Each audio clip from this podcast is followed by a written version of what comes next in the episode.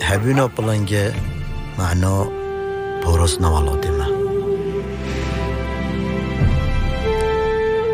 Als de panter terugkeert, dan zal ons vaderland voor altijd veilig zijn. Dat zegt Sidik hier, de hoofdpersoon in de documentaire Sidik en de panter.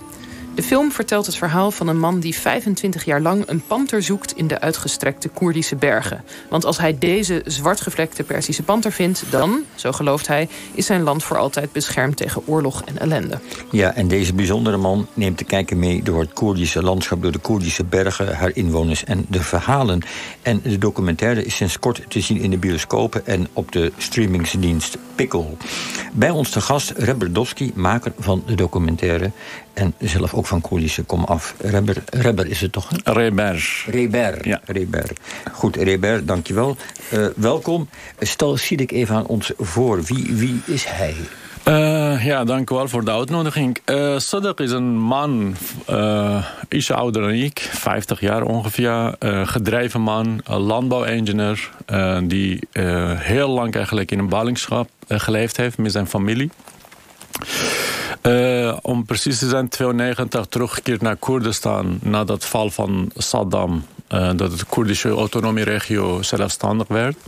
Is het teruggekeerd en hij zet zich in de, uh, voor, voor de natuur. En die droom van hem, dat de panter het gebied kan redden. Hoe komt het? Wat, wat is die droom? Waar komt dat vandaan?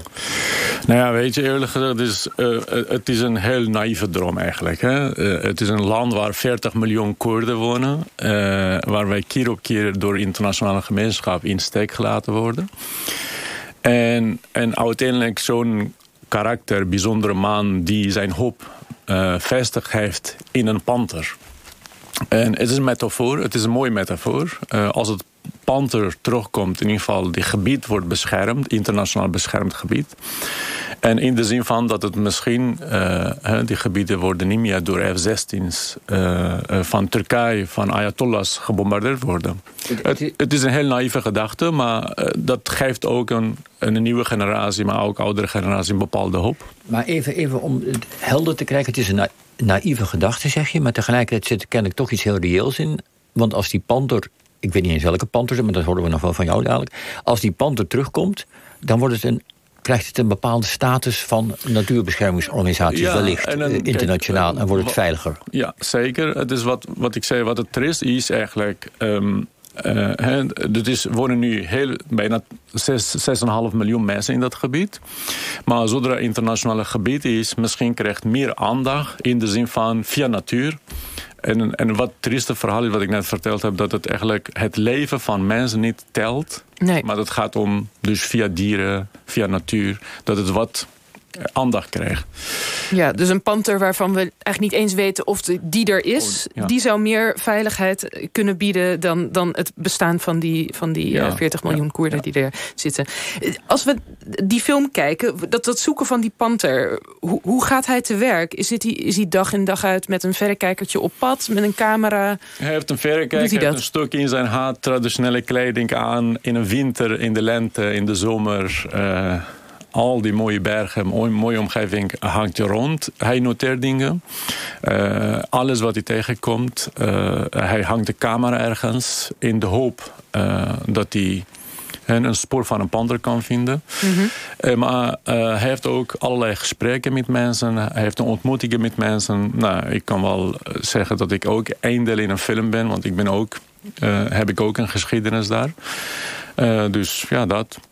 Ja, dus hij gaat ook met mensen in gesprek. Dus via de film, je ziet niet alleen hem... maar je ziet hem ook in gesprek met die mensen. Dus wij de leren even net zo ja. goed de mensen die daar wonen kennen... als... eh, Je komt achter iedere, Ja. weet je, hij maakt zoektochten in de bergen en hij heeft een ontmoeting met mensen en hij komt eh, langzaam, maar wij komen ook langzaam met hem samen achter wat de verbondenheid is van mensen met dat gebied.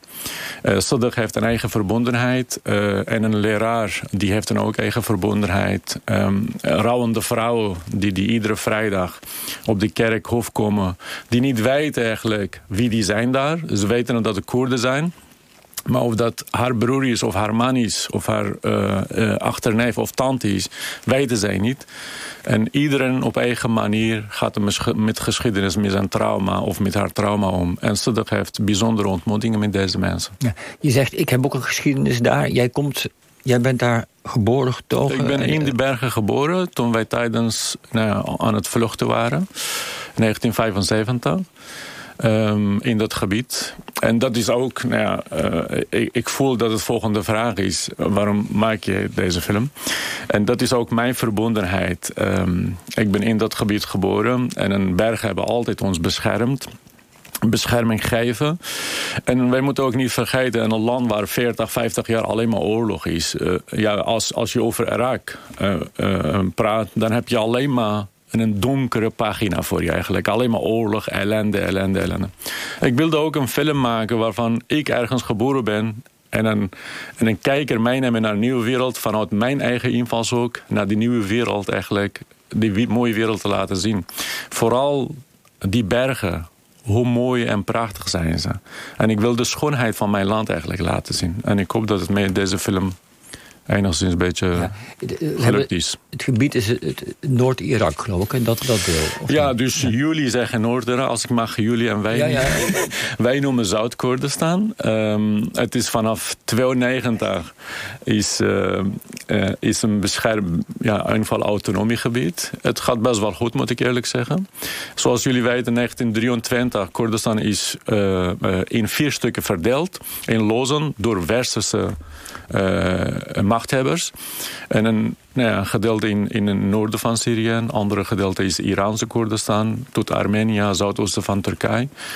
Het is opgeknipt door de Westen. Opgeknipt, en, en, en, en, daar zitten, zitten, jullie eigenlijk altijd nog mee. Dat is een duidelijk uh, punt. Ik, ik, ik, ik, ik, wil toch echt even, ik kan het niet helpen. Wat is die panter nou van beest? Welke panter hebben we het over?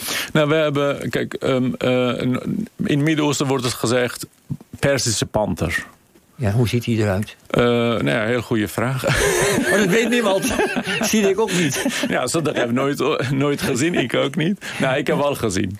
Ik heb wel, ja, uiteindelijk als je gaat googlen... het is een, een panter die uh, met een zwarte vlekje uh, zijn. Op zijn rug, op zijn gezicht enzovoort.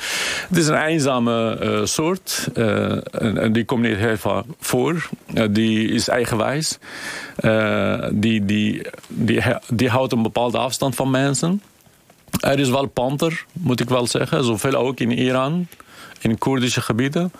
Maar de vraag is of uh, gaat die vinden of niet. En dus of die überhaupt nog bestaat, dat is eigenlijk ook niet bekend. Of wel? Uh, nee, dat wil ik niet allemaal hier gaan zeggen. Ik zou zeggen, ga film kijken.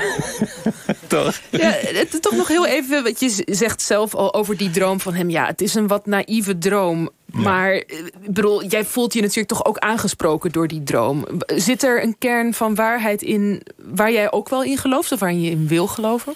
Ik, ja, weet je, natuurlijk, je wil een samenleving waarvan jouw kinderen, uh, uh, jouw broer en jouw zusters in vrede kunnen leven met andere volken.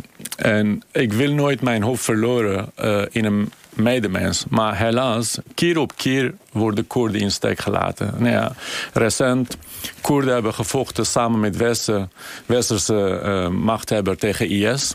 IS is verdreven. Ik zou zeggen, bijna als groep uh, militaire basis is verdwijnen van hun. En wat gebeurt dan? Trump, die via Twitter aankondigt... Uh, ik trek mijn militairen terug. En volgende dag valt een dictator als Erdogan... met westerse wapens Koerden aan. En iedereen is stil. En voor mij, het is een naïeve gedachte... maar toch ook een, hoopvol dat wij onze hoop ergens anders gevestigd hebben. En waarvan ja, het is triest, maar het is niks anders. Ja, oké. En, uh, en het idee daarachter zit er ook iets in van een soort harmonie met de natuur hervinden? Of is het echt gewoon die panter is een soort politiek nou, Ik denk, wat, wat Siddiq ook zegt in het film... ik denk wij zijn een beetje ver van ons kernwaarden. Uh, we hebben... wij, wij, is niet alleen Koerden, maar vooral de mensheid als zodanig. Bedoel, als wij naar Westen kijken, welke... Ik wil niet algemeniseren, maar Heel veel kinderen weten niet in, in Nederland dat hun hamburgers eigenlijk een twee dagen geleden waren kleine varkentjes. En, en ik hoop dat wij ook met deze coronatijd, hè, dat wij eigenlijk belang van natuur nog een keer gaan samen bekijken. Hoe kunnen wij verder. Wij hebben dat ook nodig om naar zichzelf te keren, kijken. Wie zijn wij, waar komen we vandaan en hoe, gaan wij verder? En dat is wel een belangrijke kernvraag, vind ik. Ja. Oké, dank je uh, Reberdowski. En, en de documentaire, dus Siddick en de Panther. En de Panther. Yes, uh, die, draait vanaf, uh, die draait nu al in de bioscopen... en die is online ook te zien via de streamingdienst Pickle.